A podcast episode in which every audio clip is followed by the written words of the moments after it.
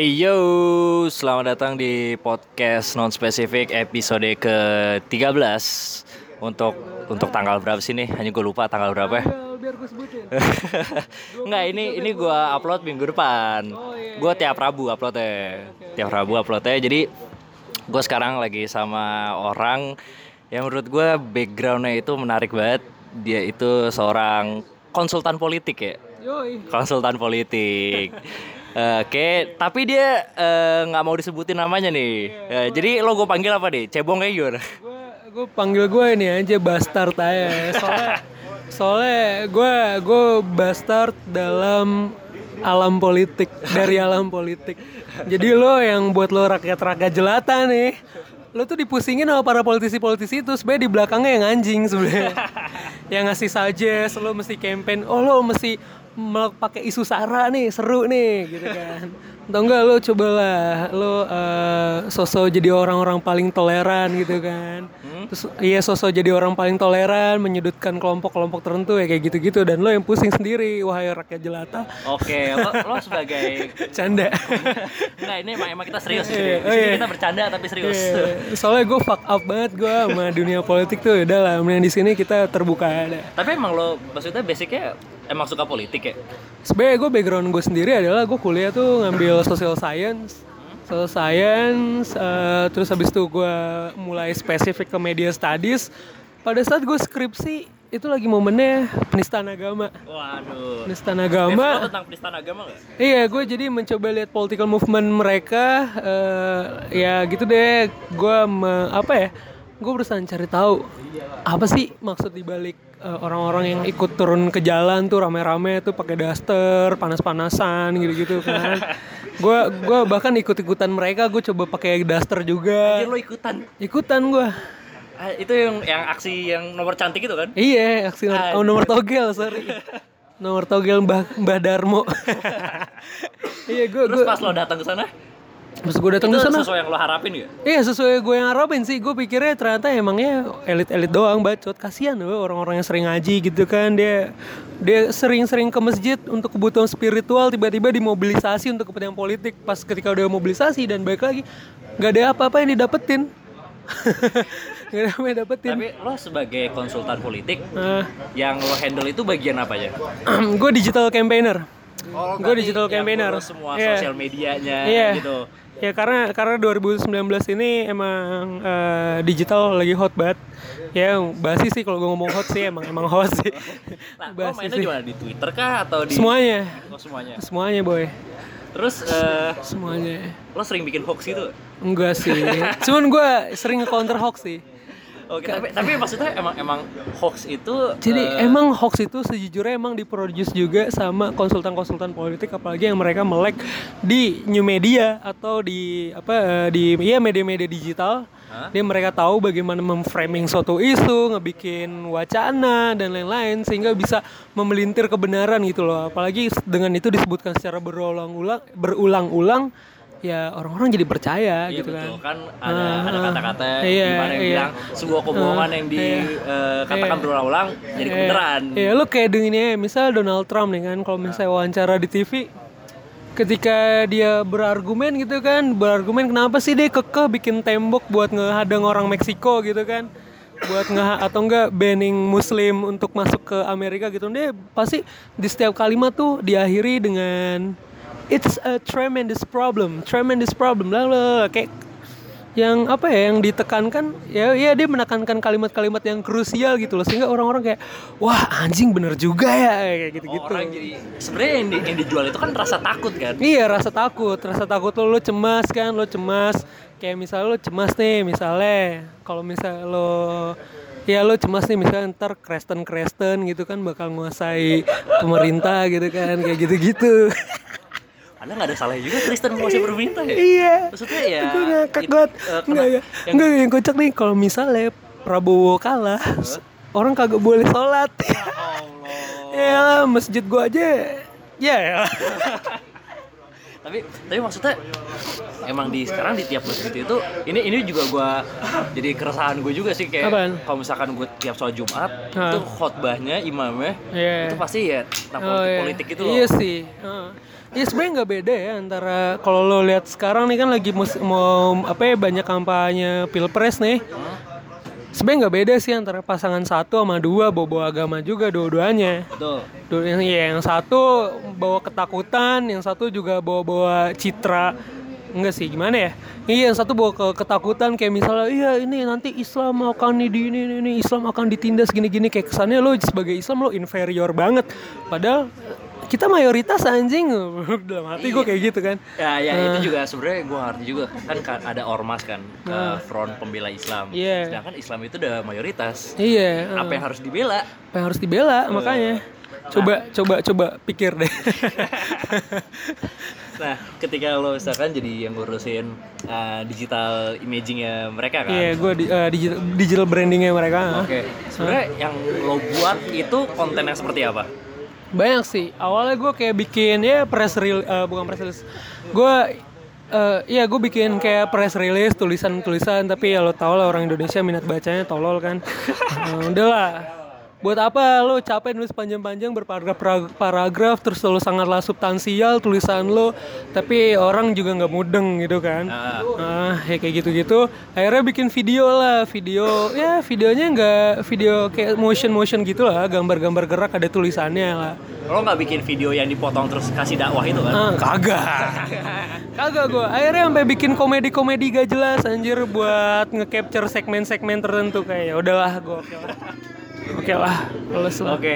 Eh, terus berarti yang lo pegang ini itu perorangan atau per partai? Sebenarnya gue kalau gue dari pengalaman gue nih gue per- pernah beberapa megang partai gitu kan dalam dalam sekali dalam satu event gue megang dua partai yang berbeda padahal mereka berlawanan tapi untuk saat ini untuk setahun terakhir gue megang satu partai satu partai satu partai ya ya nggak perlu gue sebutin sih paling kisi-kisi. kisi-kisinya nih aja lah di kubu 01 lah Oke. Ya, partai ya partai-partai ya gitu deh kubu 01 terus kisi-kisinya ya lo lihat deh yang kampanye absurd banget dah Yang kampanye bobo milenial ya? iya bobo milenial ya milenial tapi kelahiran 70 ya Bukan milenial dong anjing. milenial tapi dia kagak nonton Doraemon Nah, nah, ngomongin milenial sih, sebenarnya gue juga sebenarnya berpikiran itu loh. Kenapa sekarang semua campaign, bahkan bukan campaign politik doang ya, bahkan campaign-campaign eh, brand ya itu selalu bobo milenial, tapi ya cuma sebatas ngomongin milenial doang kayak kita mendukung milenial, kita mendukung millennials. Iya. Tapi ya lo cara ngomongnya cuma kayak biasa aja, cuma Iya. ngemasnya doang milenial. Ya An- anggaplah gini lah, gue sebut, ini gue sebut aja ya. Eh, PSI, Iya. Oke, Grace Natali. Um, Iya, terus kita- kayak misalnya Gerindra juga kan, ini partai milenial gitu kan, milenial nasionalis what the fuck kan. Tapi cuma eh, campaign mereka cuma kayak, ya kita bro gitu, kita sis gitu. Emang mereka pikir milenial itu cuma dengan ngomong bro sis itu udah termasuk milenial Iya. gitu. iya sih, gue gue akuin em, apa eh, istilah milenial tuh eh, semenjak di tahun politik tuh kayak menjadi suatu hal yang banal gitu loh, lo kayak nggak ada nggak ada artinya gitu loh. Para politisi berupaya berupaya untuk mereka terlihat semilenial mungkin sebut saja. Ketika Jokowi memilih Ma'ruf Amin, ada tim sesnya em, bukan tim ses sih, maksudnya konconya Jokowi bilang bahwa Ma'ruf Amin paling milenial. Lo milenial dari mana anjing umur 70 tahun aja milenial. Milenial coba coba coba bayangin deh. Coba nih ya. Coba kalau misalnya dia ya. Kalau misalkan yang muda-muda Eh. kayak Samara, Grace Natali gitu bilang milenials, oke lah kita masih makan gitu. Iya iya iya. Kan Ma'ruf Amin Maruf milenial. Amin milenial coba coba sih ya jelas mereka perjalanan dari masa kecil sampai udah gede cultnya beda lo kagak dikultiv apa dikultivasi sama televisi dengan tontonan yang sama lo nggak dikalt dengan majalah yang sama apakah Maruf Amin membaca majalah Bobo Nah, apakah Maruf Amin tidak. menonton Doraemon Tentu tidak. tidak kan apa yang milenial Apa yang milenial? Apakah Coba. Ma'ruf Amin main Tinder? Tidak. Jangan. Apakah Maruf Amin merasa kesepian dan teralienasi dalam kehidupan di zaman digital seperti ini? Tidak. Apakah Ma'ruf Amin mengalami quarter life crisis? Tidak. Mereka bukan milenial. Oke. Oke, kita kembali eh, kita loncat ke kubu sebelah. Eh, Prabowo memilih Sandi karena merasa Sandi adalah pilihan tepat untuk mewakili suara-suara milenial. Oh tidak, milenial, milenial sangatlah rentan, sangatlah rentan. Lo bayangin lo lulus kuliah mau, lo kalau denger lagu Fish nih, asik. Iya, Peradaban. Iya, Fish yang apa? Gue sampai lupa. yang kami kami belum tentu Iya. apa guna gelar kami kan kayak kayak iya ya milenial susah lah lo nyari kerja walaupun ya emang sekarang lapang kerja banyak kan lo variatif gitu-gitu tergantung dari kreativitas lo gimana gimana cuman kalau kalau Sandi jelas dari jelas dari sana anak orang kaya terus dia jadi di sekolah di Amerika dan dan balik ke Indonesia apa dan lahirnya juga tahun 70-an anjir emang dia nonton tonton yang sama Mungkin mukanya doang kelihatan Eh, muda kali ya. iya. Apakah syarat milenial itu harus kelihatan muda? player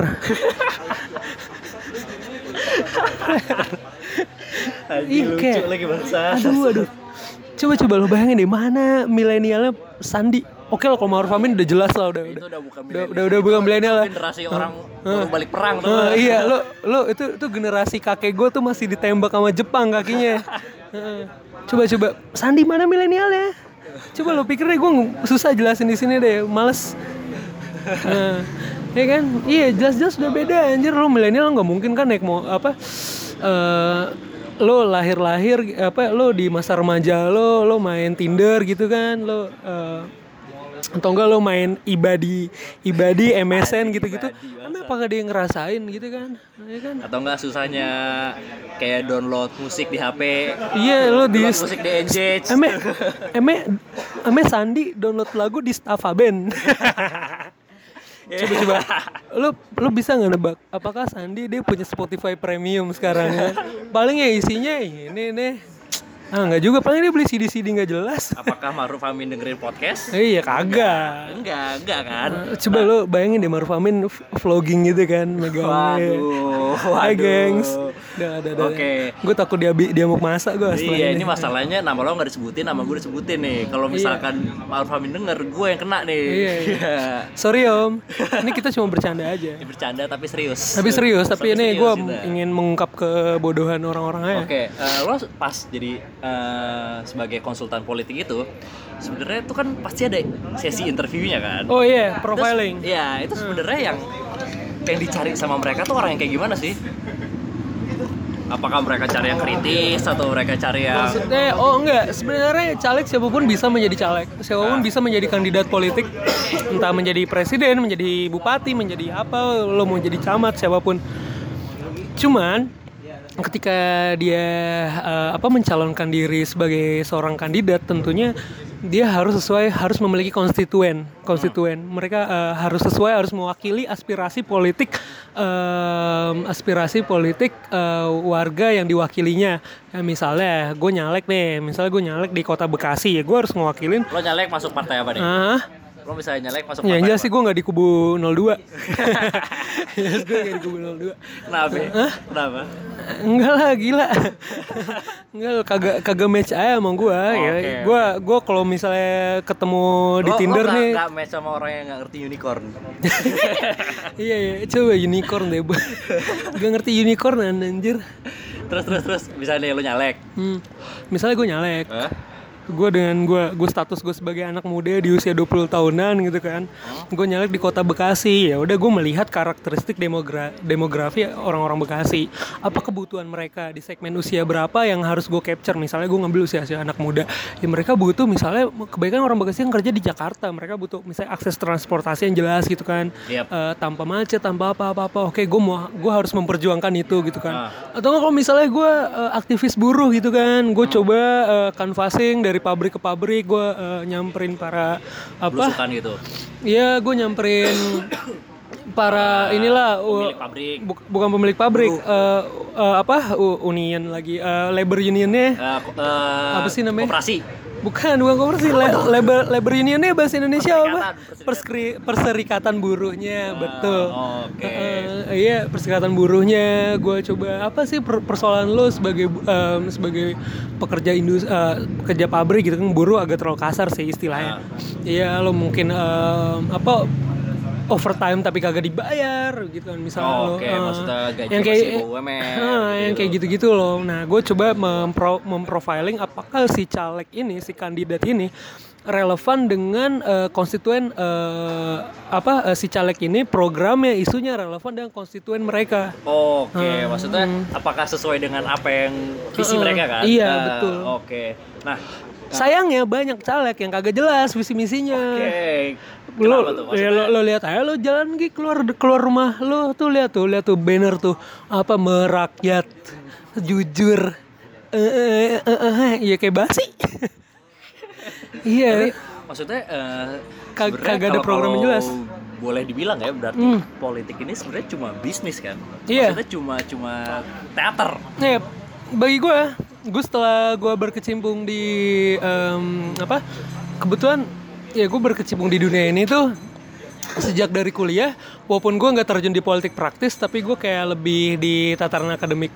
Tapi ini memang momennya lagi momen tai juga sih krusial di mana lo Indonesia tuh lagi emang lagi masa-masa transisi menuju era digital dan dan dan bentuk-bentuk kampanye tuh mulai an- aneh-aneh lah ada lo kayak nemu hoax gitu-gitu dan Oke. Iya, terus kayak orang-orang sosok memba so, so apa bikin konten yang mulai nggak jelas gak jelas, yang absurd dan lain-lain. Dan apalagi kayak gap generation gitu yang gap generation kayak lo sebagai anak muda, ih aneh ya, geli anjing ngomongin apaan sih nih orang najis kayak gitu kan, kayak gitu-gitu. Hah? Jadi, jadi lu nanya apa sih? Gue.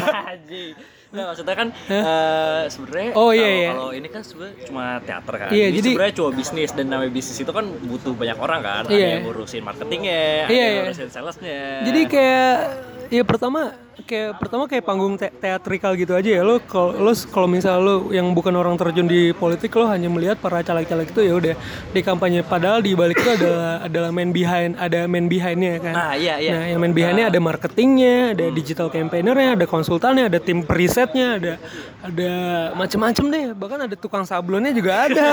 Nah, gitu-gitu. Nah, karena gini loh, eh, ini masalah gue jadi ya, eh, gue tuh dari dulu selalu apatis sama politik. Oke, gue gue nggak peduli sama politik, gue Hmm. Iya. nggak ngerti tentang politik. Iya. Jadi ketika misalkan gue nonton debat capres kemarin, Nah, eh, gue ngeliat eh, misalkan salah satu kubu ngeluarin statement yang aneh, gue pikir Hmm. cuma ah ini orang nggak kompeten aja. Tapi mungkin padahal di balik itu emang Iya. itu strategi mereka. Iya, Eh, iya. Karena emang ada orang yang istilahnya meng menuntun mereka kan untuk kayak gitu. Iya. Karena mereka butuh persona kan. Mereka Iya, butuh Iya, mereka butuh branding, pencitraan, iya. butuh citra. Tapi seberapa penting sih pencitraan buat para caleg itu? penting banget sih. Kenapa? Penting banget. Kenapa? Bagaimana ya? Oke, eh, citra tuh eh, dalam politik itu citra tuh sebenarnya adalah adalah basic. Citra itu dibentuk eh, karena bisa jadi karena emang perjalanan hidup lo, behavior lo, gitu kan.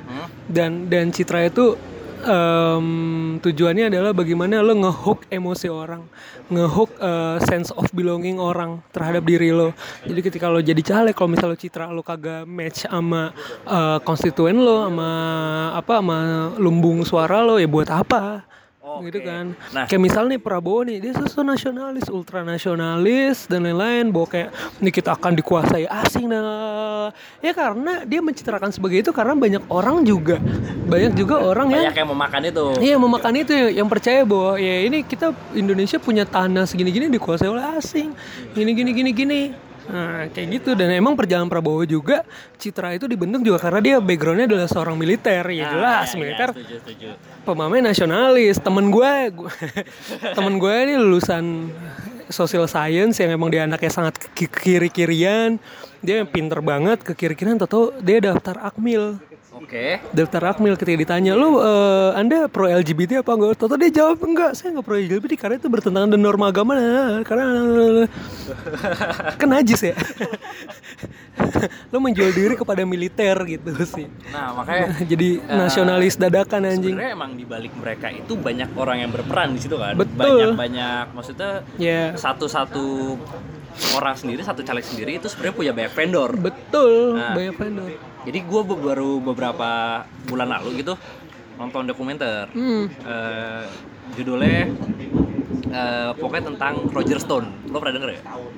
Jadi Roger Stone itu dia adalah eh, salah satu lobbyist di Amerika. oh ya Dia spesialis black campaign. oke Oke, dan dia salah satu orang Oh iya kepercayaan. iya iya Nah, iya, gue gue gue gue pernah lihat di Guardian. Nah, dia salah satu orang kepercayaan Trump. Ah. Oke. Jadi kalau dari maksudnya dari sisi konsultan politik sendiri itu sebenarnya black campaign itu boleh nggak sih? Apakah itu emang dia ngelawan batas aja? Sebenarnya sih gak sebenarnya boleh boleh atau enggaknya ya boleh boleh aja. Cuman lo nggak nggak etis kan lo black campaign gitu sih misalnya. Sebenarnya kan kalau campaign itu kan ada tiga macam kan. Ada positif ada apa?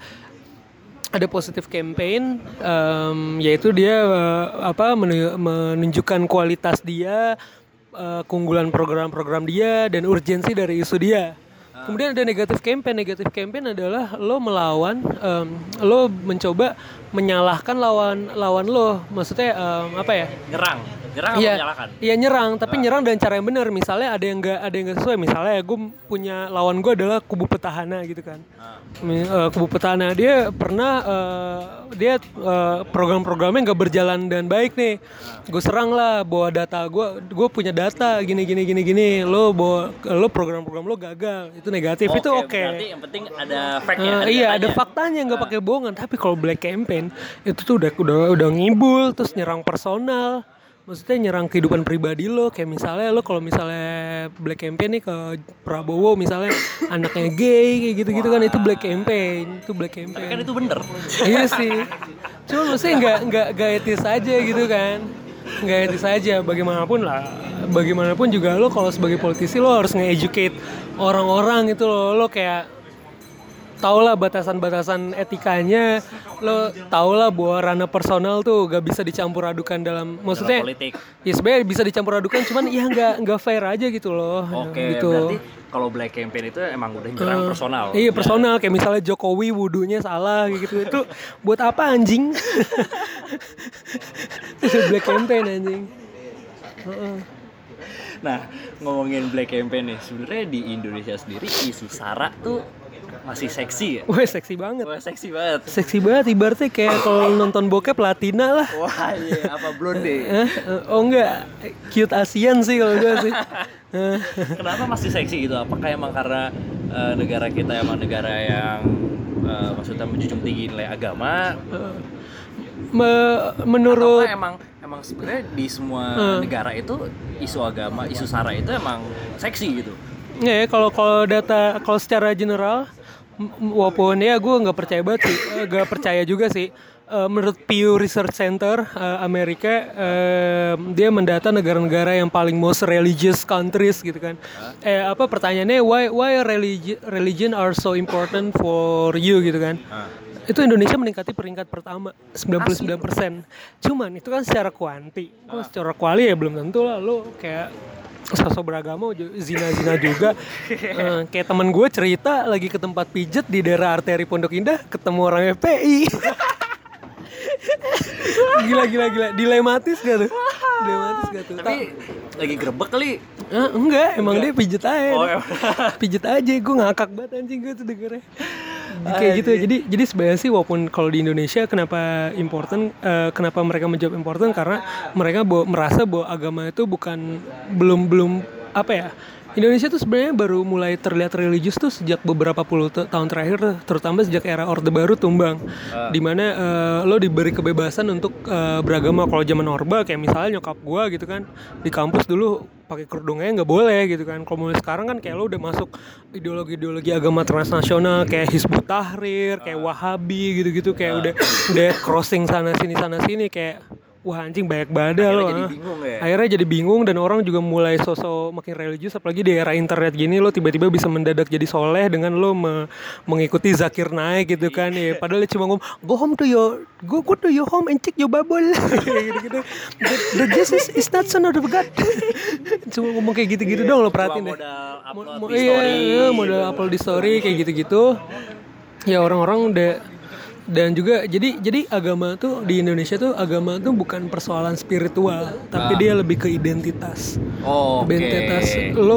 identify yourself siapakah diri lo gue adalah Islam gue adalah Kristen gue adalah gue adalah Katolik dan itu itu jadi suatu jadi suatu hal yang mengkotak-kotakan gitu loh Oke. Hmm, dan dan dan juga sekarang orang mulai kayak orang mulai banyak dakwah juga kayak ngeframe bahwa kayak udah mendekati akhir zaman gitu kan akan terjadi apa eh, terjadi civil war perang antar agama lagi jadi kayak ketakutan itu dibangkitkan lagi gitu Emang jualan paling gampang tuh jualan paling ketakutan. gampang iya nah Makanya asuransi sejak laku. itulah Iya. asuransi laku Makanya orang tuh takut kayak nih ntar nanti kamu kena kanker, nanti kamu kena ini, makanya beli asuransi kita. Iya, ya kayak gitu-gitu. Jadi jadi ya pertama agama tuh sebagai sekarang tuh orang tuh agama bukan spiritual walaupun dia merasanya itu spiritual, tapi justru mereka sebagai identitas dan yang kedua agama didakwah dengan cara ketakutan, Ah, ketakutan. itu- itu bahaya Itu nggak nggak cuma di Islam doang. Temen gue yang Katolik pun juga di grup WA keluarga gitu ada cocok cocok logi antara misalnya eh, apa di Bible chapter berapa sama berapa, misalnya eh, misalnya kemarin aksi bela Islam dengan tanggal yang cantik sekian kayak gitu-gitu. Terus eh, dihubung-hubungkan dengan di Alkitab gitu kan, chapter berapa nomor chapternya berapa berapa. Bahwa, terus di ayatnya ada menjelaskan bahwa ini ini ini, ini, anjing itu pokoknya ini semuanya tai deh. Emang, emang maksudnya rasis itu bukan cuma masalah agama, kan emang masalah manusia aja. Masalah manusia aja. Jadi mau lo agama apa pun, lo mau iya. agama Kristen, mau agama iya, Islam, apa pun itu aja. pasti rasis. Bahkan Iya. agama Hindu pun ada yang rasis kan. Betul banget. Agama Buddha pun ada yang rasis yang Iya, yang iya. ke sana zen banget gitu, yang ke sana paling chill Iya, gitu. iya, masih ada yang rasis juga. Kayak, yang di Burma ya, anjing Iya, Burma iya. bahasa gue Wah. kolot banget. Nah, oh ya di gue mau nanya kerjaan lo deh. Nah, lo kan sebagai yang ngurusin eh, digital imaging mereka kan. iya di, uh, Nah, lo ketika misalkan disuruh nge-framing orang uh, eh, di mana itu ranah profesional, hmm, lo mau nggak mau harus lakuin itu kan. Iya. Walaupun yang lo framing itu Iya. yang lo nggak suka. iya iya sih. Nah, itu lo gimana? Masalahnya istilahnya lo ngejual barang yang nggak mau lo beli gitu. Em, oke, gue selama ada duit oke lah. Oke. Apa. Jadi Hmm. jadi makanya tadi kenapa gue bilang ya gue bastard aja dari di dunia politik ya karena itu. Yang penting ada duit aja. Oke, sih. itu manusiawi sih. Ini manusiawi lo bodo amat kayak ya udah eh, ya udah yang penting gue ada duit dan ya gue mencoba ya untuk inilah kalau misalnya nih politisi agak-agak radikal gitu kan agak-agak ganas agak galak cobalah gue redam dikit lah Pernah nggak ada yang kayak, eh kita mau konten yang sara dong? Gue belum pernah sih belum pernah alhamdulillah puji Tuhan gue dapet caleg-caleg yang berpendidikan Oh, yang oke. yang political correctnessnya oke lah Oke. Tapi itu dicek gak sih pas lo masuk political correctness gitu? hmm. Oh iya, ada ada tesnya gitu atau gimana? Nggak ditanya aja lo lagi dulu pas interview lo berafiliasi sama mana coba lo menurut lo lo bisa gak eh, menjelaskan apa itu demokrasi apa itu kiri kanan depan belakang gitu kan kanan mentok kiri tengah kayak gitu gitu Sebenarnya political correctness itu menurut eh, dari lo sendiri sebagai konsultan politik itu bahaya nggak atau justru itu membantu lo? justru membantu sih menurut gua kalau eh, political correctness itu sebenarnya lebih tepatnya eh, ini kita eh, political correctness tuh lo tahu sebenarnya dalam politik tuh apa yang urgent urgensinya misalnya eh, misalnya eh, lo mengetahui apa prinsip- prinsip-prinsip yang universal kayak misalnya demokrasi kesetaraan gitu-gitu Ah, kayak gitu-gitu. Terus juga kalau misalnya lebih teknis, lo tahu apa re- eh, program, apa isu yang relevan. Itu political correctness. Jadi lo, kalau misalnya political correctness lo bagus, ya lo milih eh, caleg siapa pun, milih kandidat siapa pun, oke, selama lo tahu itu programnya apa, itu isunya apa, dan lo juga tahu apa namanya lo punya basis pertimbangan yang jelas kayak misalnya oke dia membela HAM gitu kan karena lo emang concern sama HAM walaupun ya apa ya ya nggak walaupun sih ya ya ya karena lo tahu ba- ketika- basicnya apa ketika gitu lo nyerang misalnya nih, ketika lo ngatain lah, ngatain agama lain atau ngatain etnis lain, apakah itu maksudnya Itu- melanggar political correctness? ya itu itu sebenarnya mereka nggak ada political correctness sama sekali Hmm. Eh, ya mungkin kalau misalnya para campaigner para caleg mungkin ngerti lah Hmm. bahwa itu adalah satu hal yang gak etis gitu loh. Cuman ya sudah emang dasar orang emang orang-orang Indonesia banyak yang political correctnessnya masih rendah. Kayak gitu-gitu mereka ngeliat ngeliat ngeliat politik tuh eh, kolot gitu loh kayak misalnya kayak kerajaannya dulu misalnya ya ini ini ada kerajaan Islam ada kerajaan Hindu gitu kan Ah. ya lo pro ke kerajaan Islam mau kerajaan Islamnya berbuat apa ya? berbuat tiran gitu kan zolim gitu kan ya lo tetap ngebela sama juga yang Hindu juga sama kayak gitu-gitu jadi lo nggak ada political correctness ya lo kagak tahu sebenarnya apa sih yang dia, dia perjuangin apa sih eh, yang dia eh, Istilahnya cuma ikut-ikutan. ya cuma ikut-ikutan aja Nah, karena itu, itu sebenarnya juga maksudnya kan gue profesi gue sebagai stand up comedian ya. hmm, Dan justru political correctness itu musuh gue banget. Karena ketika gue ngomongin anggaplah nih gue pernah gue pernah manggung gitu, Hmm. gue bikin jokes tentang suatu etnis gitu, huh? dan mereka marah kayak kalian ah justru just- justru yang kayak gitu nggak ada political correctnessnya yang nggak-" marah Oke, Eh, keba- berarti itu emang dia nggak ngerti gitu. Eh, jadi political correctness tuh lo lo ngerti lo kalau misalnya gue misalnya sebagai Chinese nih Ah. gue punya temen Chinese nih dia dia nggak marah dia nggak marah walaupun Chinese dihu- dihujat-hujat dihujat-hujat mungkin karena emang pertama karena emang eh, arogan Ah. dan lain-lain iya dia nggak marah emang emang kenyataannya begitu karena dia tahu re- re- realitanya karena dia tahu Oke. dia dia tahu secara faktual apa itulah political correctness kayak Karena gitu kalau sih misalkan emang dia ngerti, dia mau ngatain gimana pun juga, maksudnya dia tetap terima Iya. gitu. Karena ya, gue tahu itu nggak benar gitu. Gue tahu atau nggak misalkan gue gua ketika gue bikin jokes gitu, Heeh. Kalau emang lawan gue ngerti gitu, lawan gue emang misalkan berpendidikan tentang hal itu, dia ngerti itu cuma jokes. Iya, kayak, kayak misalnya aja kalau misalnya gue ngomong nih, gue mengkritik perda syariah gitu kan. Ada orang orang ngomel anjing nih orang anti Islam nih bangsat nih anti is- Islam dajal apa semua disebutin anjing. Oke, gue bilang perda Islam, gua ya, perda Islam yang diskriminatif. Lo tahu nggak? di suatu daerah yang ada perda Islam perempuan naik motor harus duduk nyamping coba lo pikir apakah itu korek atau tidak Oke. korek atau tidak Berarti sebenarnya gitu eh, yang yang yang bikin orang marah itu emang karena dia cuma ikut-ikutan aja. Dia cuma kayak Iya. ah ini agama gue Ya, inti, inti, dia ngerti. intinya otak agak ada isinya, tapi emosi menggebu-gebu. Nah itulah orang yang tidak memiliki political correctness. Oke. Gitu. Oke. Weh di di kantor lu tuh ada gak sih eh, orang Chinese Eh, banyak, yang bikin konten nyerang Chinese? Eh, ada sih, Itu dia nggak nggak bete gitu? enggak biasa aja. Emang karena duit juga. Habibnya nyerang konten Islam juga ada. Habib Emang duit itu ngalahin segalanya berarti ya? Sebenarnya bukan duitnya segala ya kreasi apa kreativitas mengalahkan segalanya sih. Lo kayak trying to out of the box gitu loh. Heeh. kayak ya udahlah. Toh juga toh juga di kantor gue ya beragam ya di kantor gue ada Habib ada, yang Arab-Arab totok ada, yang Cina-Cina juga ada. Tapi Tapi, pernah maksudnya pernah kayak selek-selek gitu gak? ah kagak ya, Oh kagak serius loh. kagak, Wah gila sih. kagak.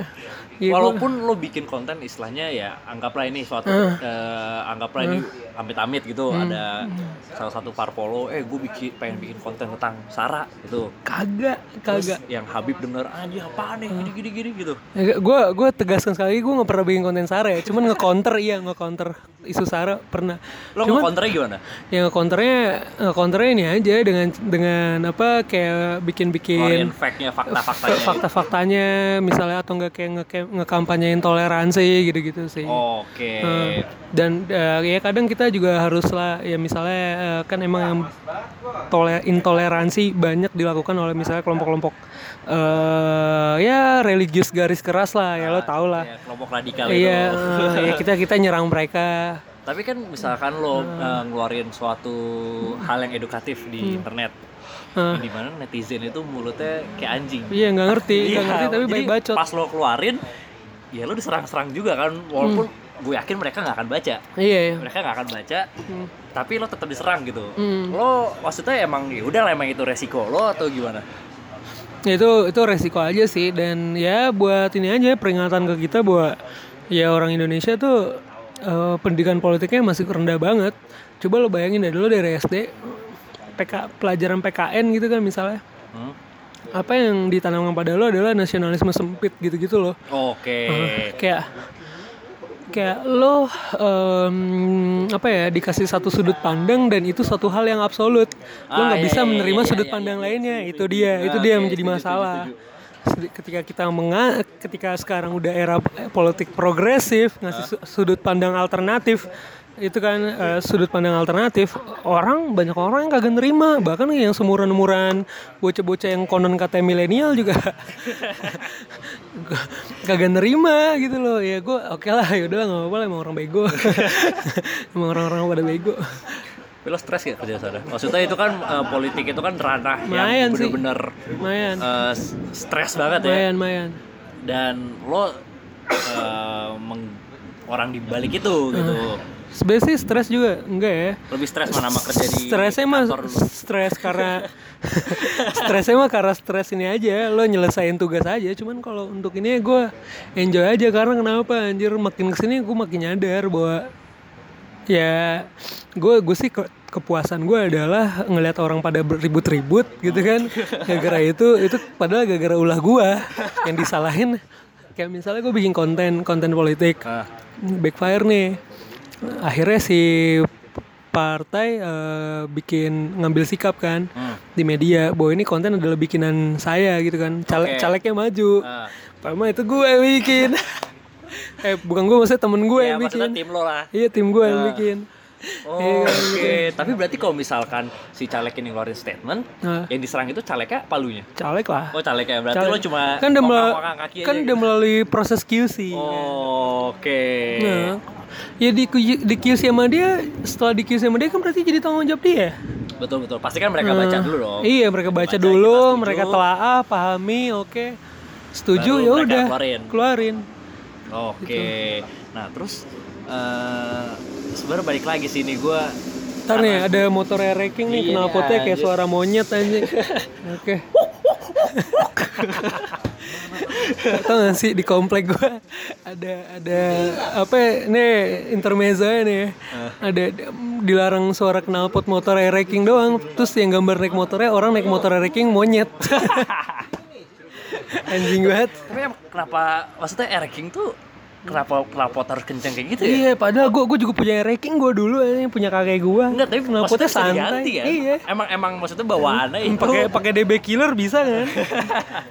Iya, kenapa emang apa emang mereka mau pamer gitu mereka punya RX King? Iya, padahal berisik kayaknya lu udah tahu. Kayaknya itu Orang pada motor tidur. jambret ya. Gue setiap jambret pasti motor RX King mulu, nggak tahu kenapa ya. Gue kalau denger ranking sih gue langsung ngebut sih. Minimal belok lah. Minimal belok putar balik. Oke, eh, balik lagi tentang eh, politik ya. Eh, yang lo lakuin itu pas eh, lo bikin suatu konten, suatu konten, lo ngatur strategi mereka juga atau lo Iya, gue ngatur strategi mereka. brandingnya mereka itu lo yang ngatur ataukah emang mereka yang pengen? Sebenarnya branding tuh kita nggak bisa ngatur-ngatur ya. Oh, Cuman berarti kita mereka- kita berusaha berusaha mendekatkan antara audiens dengan si caleg ini. Ya kayak lo ini aja kayak sederhananya kalau misalnya lo nge-branding suatu merek gitu kan. Ya bagaimanapun baga- bagaimana ada keterikatan antara konsumen dengan merek dengan brand itu. Nah, Gitu loh, itulah branding. Cuman em, yang yang jadi tugas buat gua adalah eh, apa ya? Eh ya tadi mendekatkan ke audiens, ke konstituen gitu-gitu. Ngasih, ngasih nilai emosional ke Heeh. bagaimana mereka bisa terikat dengan isu, isu is- isunya dengan programnya.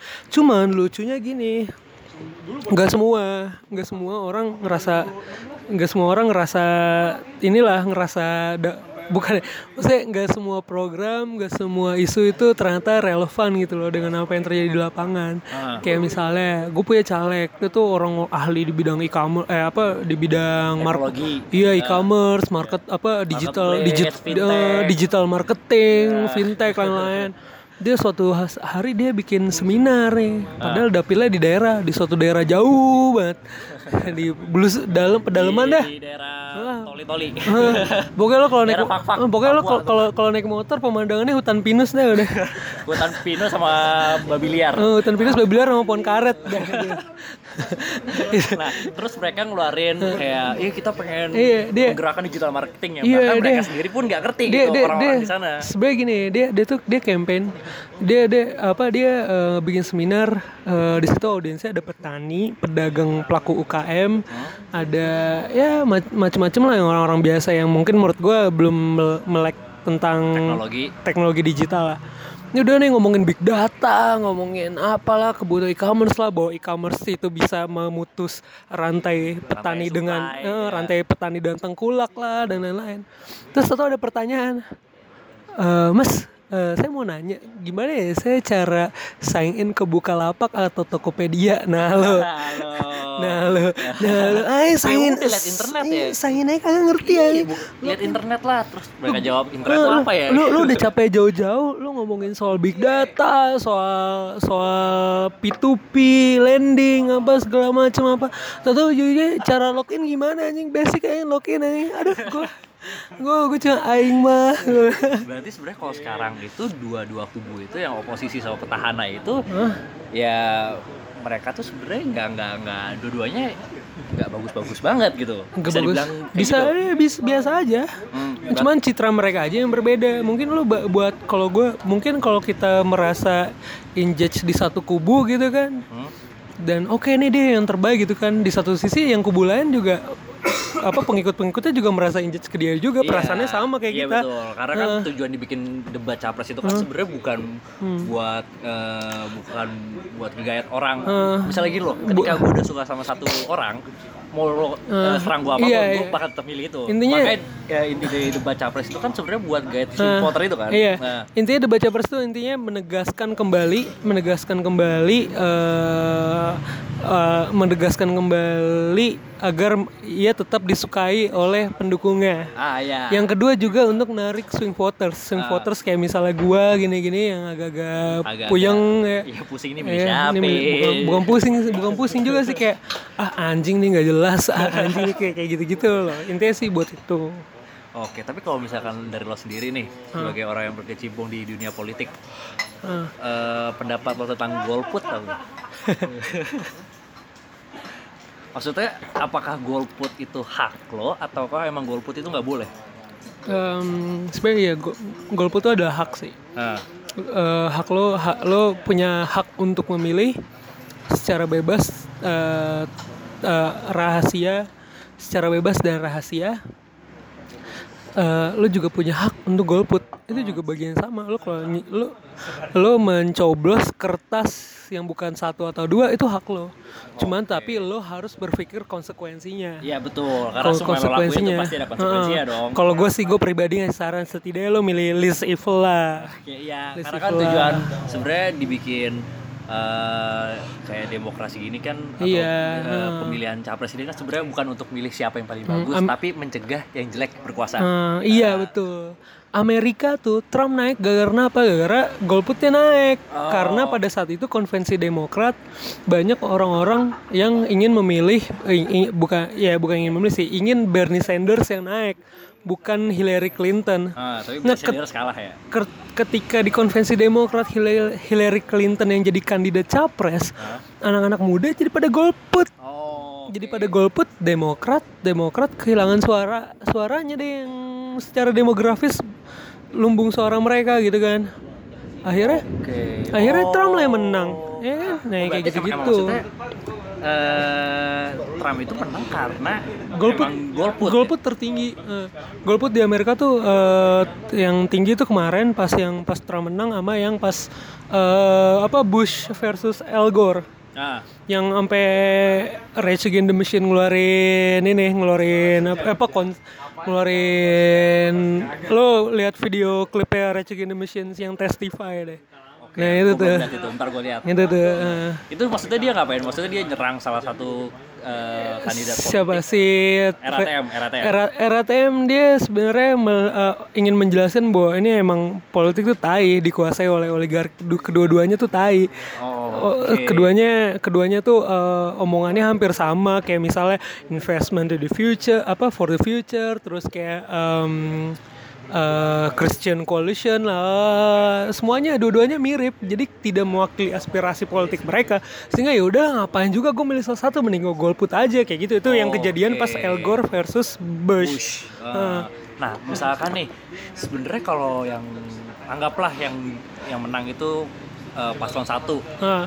apakah beda sama yang menang paslon dua? Ya pasti beda. Pasti beda. Pasti Bedanya beda. tuh dari mana? Dari kebijakannya atau Iya kebijakan bagaimanapun ketika lo lo kan lihat tuh di balik paslon-paslon satu dan dua tuh kan eh, mereka ada eh, koalisinya kan. Ya betul. Iya ketika mereka udah jadi presiden, udah memegang jaba, udah memegang kekuasaan, ya otomatis eh, di apa di decision maker eksekutif eh, diisi oleh orang-orang mereka dan orang-orang mereka kan punya background yang Iya, berbeda-beda. bisa buat Hah, kebijakan misalnya kayak Kementerian Agama yang biasa diisi orang NU, toto ditaruh orang PKS kayak gitu-gitu loh. Biasanya Ya, Kementerian ya, Agama diisi orang Islam jadi orang Buddha. Ah, iya. kita semua jadi Zen. Ya, diisi. Ayo semua pagi-pagi kita meditasi. di diisi sama penyembah Lucifer kan Kayak gitu-gitu kalau orang yang kubu 02 sih beranggapan di belakang 01 penyembah Lucifer Wah, itu masuknya ya, black campaign. Iya. Itu black campaign Black sih. campaign. Itu black campaign sih. menyembah Lucifer anjing anak-anak metal ya temen gue sholat iya, teman gua anak metal pas maghrib suruh diem gua. iya Kata anak Gue, metal. eh, iya Gimana dah? temen temen gue dulu ya band metal death metal aja death metal progresif yang udah gitar kayak gitu. Dia manggung jam 6.30 kagak eh kagak naik naik ke panggung lagi sholat zikir dia. Ya gila. Anjing kontradiktif banget sih. terus dibilang nyembah Lucifer anjing. Ya udahlah biarin aja dah dah gue bodo amat. Tapi maksudnya eh, kalau eh, black campaign itu nah, maksudnya hoax itu termasuk black campaign. iya Hoax itu termasuk black campaign. Black campaign karena tidak sesuai dengan apa yang Dengan fakta. out dan fakta tidak dia tidak bisa berargumentasi dengan data ya maupun datanya juga data bohongan ya itu black campaign intinya, intinya membuat kebohongan itu salah satu bagian dari black campaign buat hoax tuh gampang gak sih? gampang. Gampang, gampang banget gak sih? Kayak lo Gampang. tinggal aja. kasih ga- eh, berita palsu aja kan lo tinggal gampang aja Eh, lo jadi ada sebuah ada gium eh, ada gium lagi. Bukan ada Gium gi- ada ada gium sorry gue terlalu baik.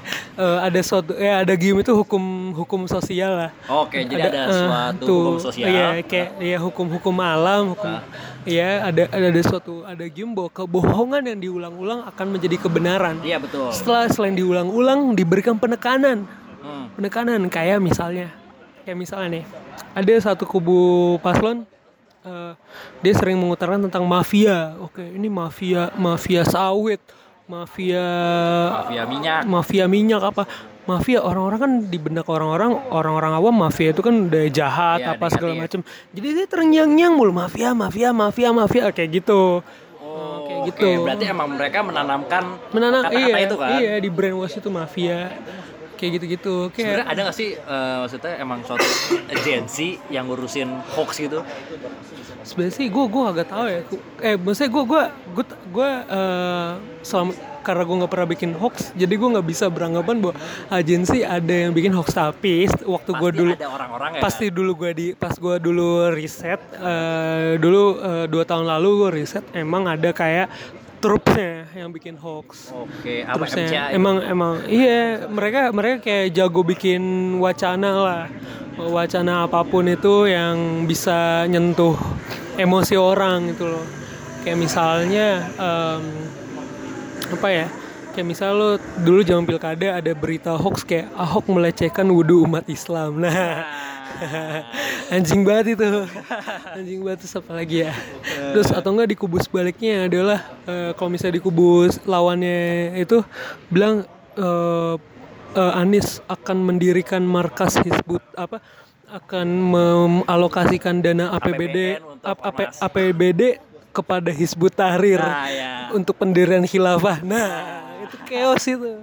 Udah gampang banget tuh orang jadi anjing ya mau ada khilafah nih bangsat nih udah gue pilih gue pilih Ahok lah gitu deh. Ini juga anjing nih Ahok melecehkan wudhu umat Islam nggak kagak tahu bayar pam mahal apa. Udah gue coblos Anies lah gitu. Berarti em- emang di di di sebagai konsultan politik itu emang ada do's and don'ts ya kan? iya, do's and don'ts Ah, ya. Sebenarnya ada batasnya. Ah, lo kalau ngelakuin ini lo nggak boleh gitu. Iya, Sebenarnya batasnya itu apakah cuma moralitas atau emang ada eh, tertulisnya lo nggak boleh ini atau emang Jadi cuma gini. ah ini menurut gue masih boleh gitu. Iya, jadi gini kan, em, misalnya gue gua kan megang partai, Hmm. partai kan dia punya afiliasi kan. Pertama afiliasi ke capres dan juga dia juga berkoalisi dengan partai-partai lain, gitu kan. Kita nggak boleh menyerang sesama teman. Oh iya. gue nggak boleh misalnya kalau misalnya partai. kalau misalnya partai gue di bawah Jokowi nge-koalisi Jokowi gue nggak boleh tuh menjelek-jelekan infrastruktur gitu-gitu masalah pembangunan dan lain-lain ya, nggak oke, boleh walaupun kenyataannya ada Ah, Oke. Eh, kayak mis- eh, iya kayak gitu Berarti maksudnya nggak boleh friendly fire gitu kan? Lo nggak friendly boleh fire. nyerang apa yang Ah. eh, visi dari Iya. pemimpin lo. Iya, kayak misalnya gue di kalau misalnya gue di Prabowo di kubu Prabowo misalnya, gue nggak boleh tuh eh, mengangkat-ngangkat isu ham gitu-gitu, Oh. karena itu akan backfire gitu. Oh, Oke oke oke oke. Wah anjir seru banget ya anjir. Eh, Eh, lebih seru, ntar lu nyoblos. Ya, Gak apa-apa deh lo golput juga gak apa-apa ya, nyoblos gak nyoblos presiden tapi seenggaknya partai lah. oh gue nyoblos si Dildo itu ya, Nur Hadi Aldo. Anjing. eh tapi itu gue agak sejujurnya gue agak curiga sih sama Dildo. Kenapa? Adalah penggiring apa ya? Gue gak tahu Ada sih. orang di baliknya mereka ada juga. ada orang di balik mereka yang ingin menggelembungkan angka swing voter, angka golput Oh, oke. atau menggiring para swing voternya untuk beneran golput. Karena kejadiannya dulu di Amerika juga sama. Gue lupa apa namanya bukan dildo kayak ada ya inilah figur kandidat figur fiktif lah. fiktif, ya. Figur fiktif yang emang eh, menggembosi suara pendukung Hillary Clinton. Oh, oke. Jadinya yang para swing voter ini beneran gak golput sama sekali. Akhirnya Trump lah yang menang kayak gitu. Wah, ah, Nah, oh kayak gitu. iya, kayak gitu. Jadi, Jadi- sebenarnya maksudnya fenomena ini nggak cuma di sini doang kan? Iya, emang, emang di luar kalau negeri juga. udah udah deketin masa-masa Heeh, pemilu gini emang mulai keluar-keluar gitu tuh. Iya, dia dan dan, dan mereka ber, kayak dengan ya caranya caranya adalah eh ya pertama dengan cara-cara yang yang kok ya inilah yang yang menghibur lah dan Iya, cara-cara yang menghibur gitu. juga mengungkap eh, apa yang lag yang yang yang lag dari kedua paslon itu yang tidak pernah dibicarakan isu-isu urgent tapi nggak pernah dibicarakan ngangkatnya is- Yang, itu yang dibaca- eh, dibicarakan juga maksudnya sedikit Heeh. menyeramkan gitu karena ya Iya. kalau gue lihat yang Nur Hadi Aldo itu mereka kampanyenya legalisasi ganja juga. Iya yang kayak gitu-gitu yang yang seharusnya ya kayak misalnya kayak eh apa ya yang kayak ngebahas isu aks- eh, apa isu kamisan aksi Ah, kamisan iya, iya. gitu-gitu loh yang yang kagak pernah dimention sama sekali sama sama kedua capres dan cawapres ini Oke. gitu yang yang ibaratnya kita anjing kenapa sih nggak ada cawapres yang mewakili aspirasi politik kita akhirnya Nur Hadi Aldo lah yang menjawab kayak gitu udahlah gue milih dia aja lah kayak gitu dengan Tapi itu melipat tai sih tuh orang-orang anjir. Maksudnya ya mereka cara mereka tuh lucu dan iya ya mereka tahu eh, kalau dengan cara ini mereka bakal Iya. sukses gitu. gue gue sih gue ambil positifnya ya dengan ada Nur Hadi Aldo dia mereka ngasih pendidikan politik lah Ya, ya pada orang-orang sehingga sehingga itu. sehingga orang aware dengan isu apa yang benar urgent Ah iya betul kan? betul setuju setuju. tapi di sisi juga gue takut tendensinya malah jadi beneran golput Wah kok itu. bilang ya udahlah ya udah Nah eh, kalau dari ini eh, dari lo sendiri nih, ini buat ke semua orang ya. Iya. Sarannya eh, lo menyikapi politik tuh kayak gimana? sarannya santai aja udah nggak nggak usah nggak usah baper Gak usah baper karena kan orang-orang kayak ah lu nyerang paslon gua lu gila lu Hmm. Terus di- terus karena juga- ya di grup WhatsApp semua ngomongin politik aja Iya. capek juga gua buka WhatsApp keluarga anjir WhatsApp ngomongin keluarga, politik. iya. Di keluarga gue, wah rame banget. ya lo pertama san- santai aja, nggak usah baper, terus jangan terlalu berharap bahwa setiap apa yang diomongin oleh para kandidat tuh akan terrealisasikan. Nggak mungkin Ya, juga karena itu 100%. cuma janji. Ya itu janji dan gimmick. Ya lo anggap anggap aja lah para kandidat tuh kayak inilah eh, kayak apa? artis lah. Kayak kayak selebgram lah. Ah, mau dapat mau jadi dapat banyak endorsan dengan bikin gimmick dulu kan kayak Iya sih, kayak kayak. Aukarin benar. gitu, benar kayak misalnya Jokowi kemarin kan yang masalah isu gerasi pembunuh wartawan itu juga gimmick politik juga tuh biar biar narik suara-suara orang-orang jurnalis pembela HAM gitu-gitu kan bikin gimmick dengan membatalkan gerasi itu ya. Udah pokoknya intinya lo jangan gampang lah kemakan gimmick-gimmick politik saat ini. Lalu coba berpikir rasional lo mempertimbangkan em, mana sih program yang paling paling apa ya paling ak- paling mendekati untuk terrealisasikan gitu kan. Ya udah lo mau pilih siapa aja oke gitu sih.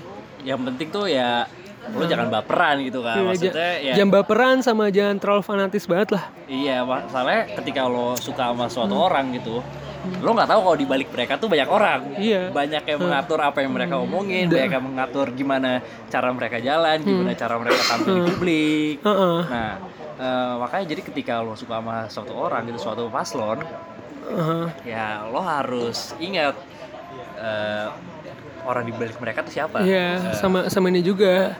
Lo jangan berpikir bahwa mereka akan selamanya, eh, maksudnya eh, itu koalisi ini akan selamanya akan seperti itu. Ntar suatu saat nanti mungkin di periode berikutnya yang temennya Jokowi akan ber- musuh. jadi musuh Ah, gitu iya, kan. iya, temennya Prabowo jadi mus jadi temennya Jokowi. Ah, kayak iya, gitu, iya. Kan kayak gitu gitu. kayak Heeh.